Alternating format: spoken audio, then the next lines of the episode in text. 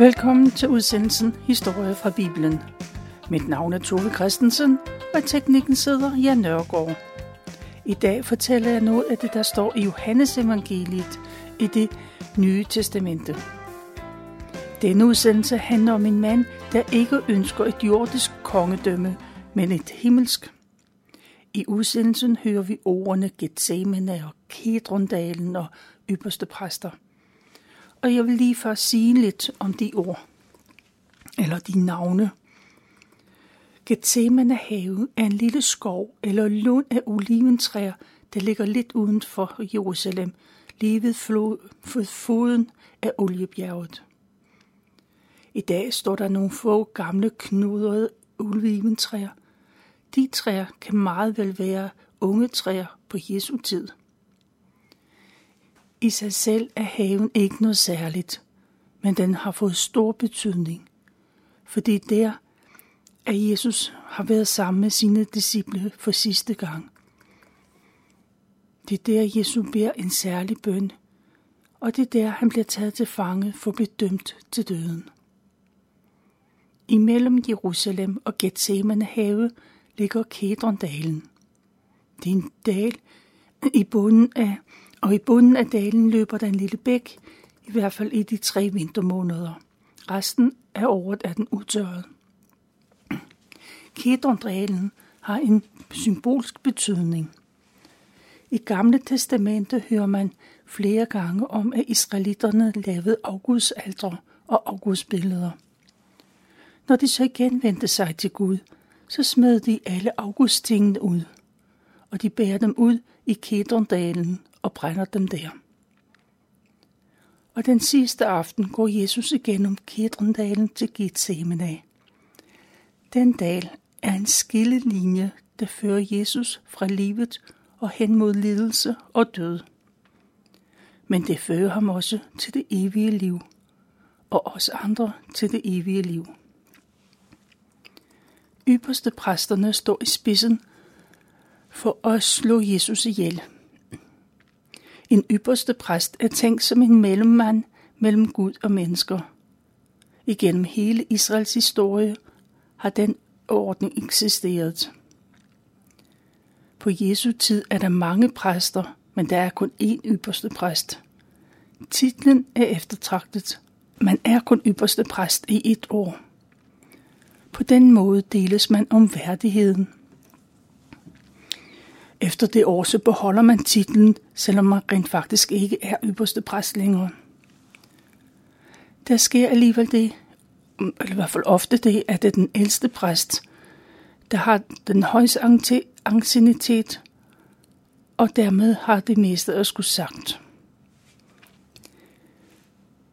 Ypperste præsten har stor magt. Sammen med de andre religiøse ledere danner de det jødiske råd – Selvom romerne har magten i landet, har det jødiske råd stor indflydelse på menneskers liv. De er både den dømmende, den udøvende og den lovgivende myndighed. De laver deres egne regler, som resten af befolkningen skal overholde. De har vagter til at overvåge, om reglerne bliver overholdt, og de har magt til at dømme lovovertræderne. De begivenheder, vi skal høre om i dag, foregår i den sidste påske, Jesus lever. Israel er besat af romerne, og de har selvfølgelig den endelige afgørelse. Men i alt omkring religion er det jøderne selv, der træffer afgørelserne. De, religi- de religiøse ledere er vrede og forarvede på Jesus. Dels fordi han helbreder syge på helligdage, og fordi han gør sig til et med Gud. Begge dele er Guds bespotteligt i deres øjne. Men blandt den almindelige jøde er det helt anderledes. Flere og flere bliver overbevist om, at Jesus gør under, fordi han er Gud. Og den tendens gør lederne bekymrede. Det jødiske råd er overbeviste om, at Jesus må bekæmpes med alle midler, og de forsøger flere gange at arrestere Jesus. Men hver gang forsvinder Jesus, før de når at få fat i ham. Jesus tager så sine disciple med ud i ørkenen, og der er han et stykke tid, for det er for tidligt at blive taget til fange. En dag går der rygte om, at Jesus igen er på vej til Jerusalem. Og folk de stemler sammen for at få et glimt af ham. For alle har hørt om Jesus. Både de fastboende i Jerusalem, men også de mange tusinde pilgrimme, der kommer for at fejre påske i templet. Jesus er en kendt skikkelse, men en af Jesu under har gjort et særligt indtryk. Lazarus, en af Jesu venner, var død i tre dage, og da Jesus kom, så opvagte han ham til live igen. Han gik ud af graven. Nu er Jesus på vej til Jerusalem, og man har for første gang lejlighed til at hylde ham som den konge, som de anser ham for at være. En konge, der er sendt af Gud for at gøre deres land frit og uafhængigt. Jesus han låner et æsel, og han kommer ridende ned ad oliebjerget. Folk råber Hosianna, frels os, du Davids søn. Man lovpriser Gud og lægger palmegrene på vejen foran Jesus. Det er nemlig palmes søndag. Jesus er i Jerusalem nogle dage, men torsdag aften spiser Jesu påskemåltid sammen med disciplene. Det er det sidste måltid, Jesus spiser, og det er noget ganske særligt. Selve mødestedet, der har man holdt hemmeligt, for Jesus han skal ikke fanges endnu. Men Judas, han har lavet en aftale med de jødiske ledere. Han vil afsløre, hvor Jesus er. Og lige så snart Jesus, han, Judas ved, hvor Jesus er, så har han lovet at sige det videre. Men det er faktisk først, da de kommer ind i lokalet, at Johannes bliver, eller Judas bliver klar over, at det er her, de skal være i aften, skal torsdag aften. Jesus byder disciplene velkommen, men der går ikke lang tid, før han giver udtryk for, at han er klar over, at Judas vil forråde ham. Men han siger også, at Peter, han vil fornægte Jesus tre gange, før han øh, øh galer den næste morgen. De vil forråde Jesus på hver deres måde, og begge dele går i opfyldelse, men med hver deres afslutning. Judas forlader de andre midt i maden. Han går hen til det jødiske råd for at fortælle om, hvor Jesus er. Da Judas er gået, så taler Jesus til de 11 disciple, der er tilbage. Han fortæller dem, at nu er tiden inde. Det er nu, at både han og Gud skal æres igennem det, der sker det næste døgn. Jesus siger, at han vil gå hen for at gøre en bolig reddet parat til dem, og han vil komme tilbage for at hente dem, der tror på ham. De kender vejen, hvor Jesus vil gå hen. Men Thomas siger nej, de ved hverken, hvor Jesus går hen, eller hvor de skal finde vejen henne. Der siger Jesus, at han er vejen, sandheden og livet. Ingen kommer til faderen, til Gud, uden gennem ham. Disciplene har endnu ikke forstået, hvad Jesu opgave går ud på. Men Jesus betror dem, øh, han beroliger dem og siger, at han vil sende dem en vejleder. Helligånden vil altid være hos dem. Da måltid er slut, går Jesus og disciplene gennem Jerusalems mørke gader. Jesus fortsætter med at tale til disciplene, og han bruger sine sidste timer til undervisning. Jesus opfordrer disciplene til at blive i hans kærlighed og til at vise hinanden kærlighed. Ingen har større kærlighed end den, der sætter livet til for at redde sine venner. Disciplene de vil komme til at opleve, at mennesker vil hade dem på samme måde, som mennesker hader Jesus nu. De vil blive smidt ud af synagogen. Ja, nogen vil oven i købet blive slået ihjel. Men Helligånden skal komme og afsløre for den enkelte, hvad synd er, hvad retfærdighed er og hvad dom er. Og så ser Jesus op mod den mørke nattehimmel, og han beder til sin far. Han beder for sig selv, for disciplene og om, at alle mennesker til alle tider må se Guds herlighed. Da Jesus er færdig med at bede, går han videre. Han krydser Kedrondalen og er på vej mod de sværeste timer i sit liv. Snart efter er de i Gethsemane have. Det sted har Jesus ofte været sammen med sine disciple. Johannes, evangelisten Johannes, han fortæller ikke noget om det her, men den nat beder Jesus inderligt til sin far, og han er så bange, at han sveder blod. Judas, Judas Iskariot, går til at hen for at tale med de jødiske ledere. Der er blandt andet ypperste præsterne og farisæerne. Og de afbryder deres påskemåltid for at holde et møde med ham. Så vigtigt er det for dem. De godkender, at Judas han får rådighed over templets vagtmandskab, og derudover får han også en deling romerske soldater. Det klarer de lige. Judas går foran og viser vej. Han går hen til det hus, hvor Jesus spiste med sine disciple. Men der får de at vide, at Jesus er gået videre. Han er gået til Gethsemane. Og Judas, han er klar over, hvor det er, for der har han ofte været sammen med Jesus. Judas, tempelvagterne og de romerske soldater, de har brændende fakler, olielamper og våben med. De er på vej for at arrestere Jesus. Og sammen med dem er der mange andre, der går med. Jesus er færdig med at bede, da han ser dem komme. Og han er parat til at lade sig tage til fange. Nu er tiden inde. Og Jesus træder et skridt frem og spørger, hvem de søger. Jesus er Nazareth, svarer soldaterne. Og Jesus siger, at det er ham, de leder efter.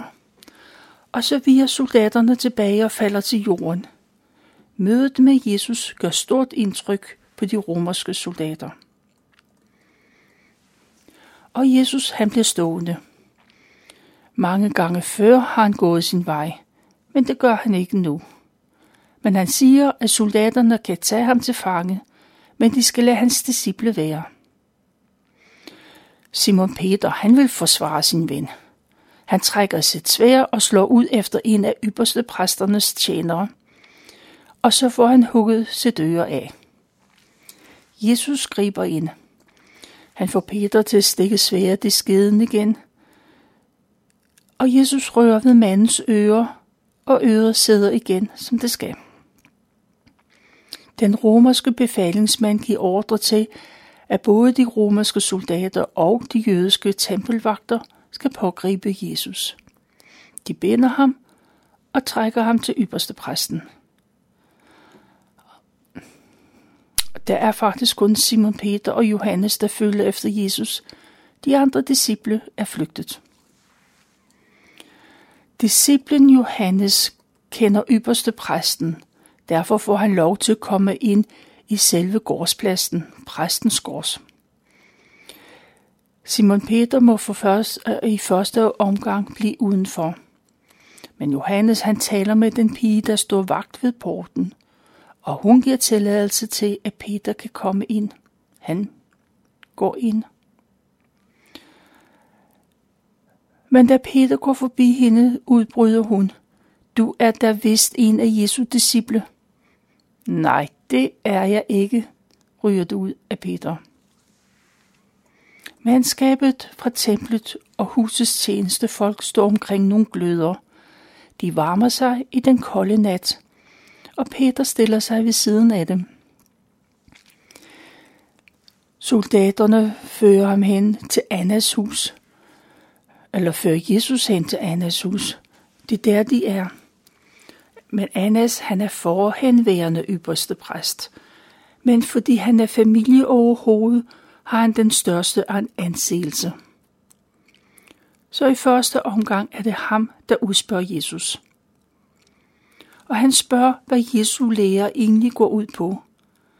Og Jesus svarer ikke direkte, men han siger, at det har han da tit sagt til folk. Han har talt det åbent i offentligheden i templet. Hvorfor spørger de ham om hans lære? De mennesker, der har hørt om hans undervisning, de ved godt, hvad det går ud på. Bang! En af tempelvagterne slår Jesus i ansigtet. Er det en måde at svare en ypperste præst på? Og Jesus spørger, hvad han har gjort forkert. Hvis det er rigtigt, det han siger, hvorfor slår de ham så? Ypperste præsten Annas kan ikke svare, så han sender Jesus videre til sin svigersøn Kajfas. For det er ham, der er ypperste præst. Præsten det år. Soldaterne trækker sted med Jesus, stadigvæk med bundne hænder. Men Jesus er i forhør. Han er i forhør, så står Peter ude på gårdspladsen og varmer sig. En af dem, der står ved siden af Peter, udbryder. Du er da også en af hans disciple. Nej, det er jeg ikke. For anden gang den aften nægter Peter, at han kender Jesus. Men en af de andre tjenere siger, men det er da rigtigt nok. Tjeneren så ham selv. Peter var i Gethsemane have sammen med Jesus. Og for tredje gang nægter Peter at kende Jesus. Og i det samme så galer hanen. Det, som Jesus forudsagde tidligere på aftenen, er sket. Peter er klar over, hvad han har gjort, og han fortryder det bitterligt. Forhørt på Jesus foregår hele natten, og solen er ved at stå op. Det blev langfredag, som vi kalder den dag. Ifølge de jødiske regler har de selv lov til at stene Jesus til døden. Men den straf er ikke hård nok. Derfor skal Jesus dø på den romerske måde. Jesus skal korsfæstes. Derfor bliver han ført fra ypperste præstens hus til den romerske guvernør Pilatus. De jødiske ledere følger efter Jesus, men de bliver udenfor. Ifølge de jødiske regler er man uren, hvis man besøger en ikke-jøde. Og som uren kan man ikke deltage i påskefesten. Pilatus, han er godt klar over det, og så kommer han ud til dem. Og Pilatus han vil vide, hvad Jesus er anklaget for. Men lederne dikterer bare, at Jesus skal korsfæstes, og at Pilatus han skal domfælde ham. Og så spørger øh, Pilatus, hvad Jesus i det hele taget har gjort. Og han spørger Jesus. Og Jesus svarer, svarer ved at tage kongetemaet op. Han siger, at på en måde er han konge. Han er født til at være konge. Derfor er han kommet til verden. Men Pilatus er ikke blevet klogere af det, og så går han ud til jøderne, der venter. Pilatus fortæller, at han ikke synes, at Jesus har gjort sig skyldig i noget som helst. Men der er en tradition for, at han giver en fange fri i anledning af påske. Hvis de ønsker det, så skal han løslade jødernes konge. Nej, råber de. Barabbas, han skal løslades. Barnabas, han er en mand, der er fængslet for at gøre oprør imod romerne. Pilatus træffer sin beslutning, og jøderne får deres vilje. Han lader Jesu piske, og så fletter soldaterne en græns af tårnekrone. Den sætter de på hovedet af ham og kaster en purpurrød kappe over ham. En af soldaterne går hen til Jesus og siger, længe leve jødernes konge. Og samtidig så slår de ham i ansigtet. Pilatus, han går endnu en gang til de jødiske ledere. og de står stadigvæk og venter udenfor. Pilatus siger, han ikke finder Jesus skyldig i nogen forbrydelse. Og i det samme bliver Jesus ført ud af borgen. Han har tårnekrone på hovedet og den purpurrøde kappe på over sig. Så snart ypperste præsten og de jødiske vagtmandskab ser Jesus, så råber de, korsfest ham, korsfest ham. Pilatus han forsøger endnu en gang at få Jesus fri. Men de jødiske ledere råber, at hvis Pilatus sætter Jesus fri, så er han ikke kejserens ven. For den, der udråber sig selv til konge, gør oprør imod kejseren. Og det gør udslaget.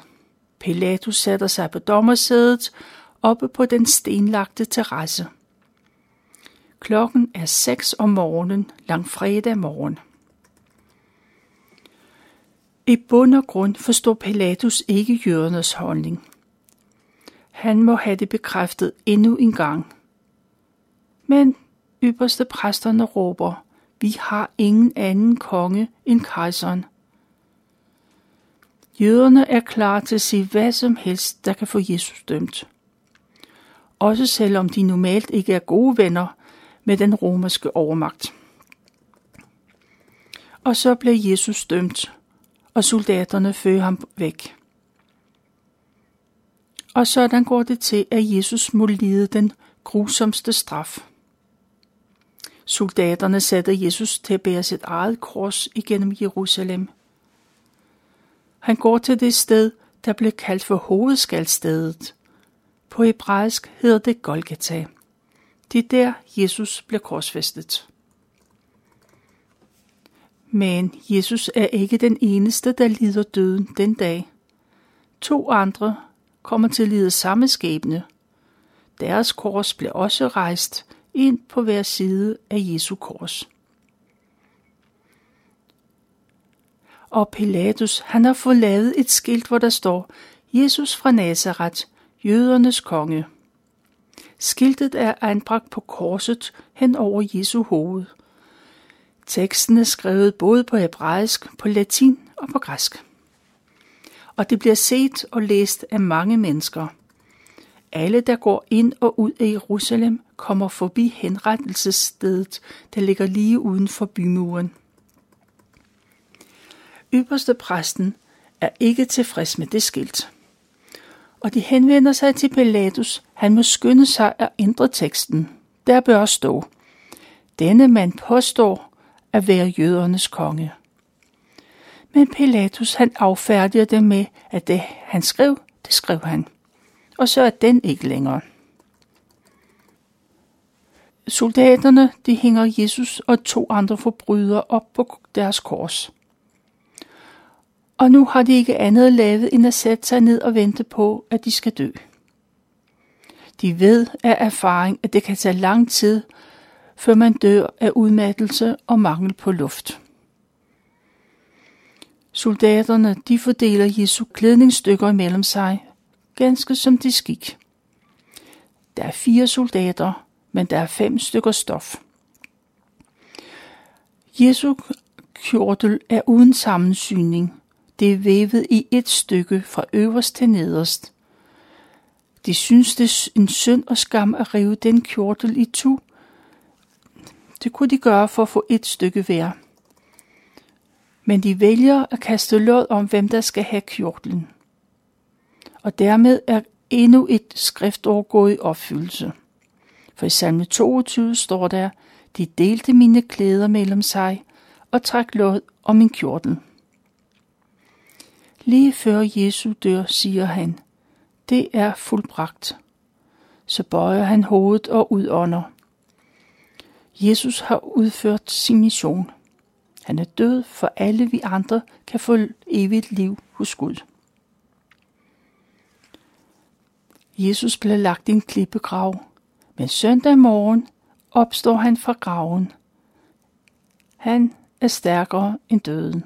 Gud er stærkere end døden. Det er, hvad jeg har valgt at fortælle fra Johannes evangeliet, kapitel 16-19.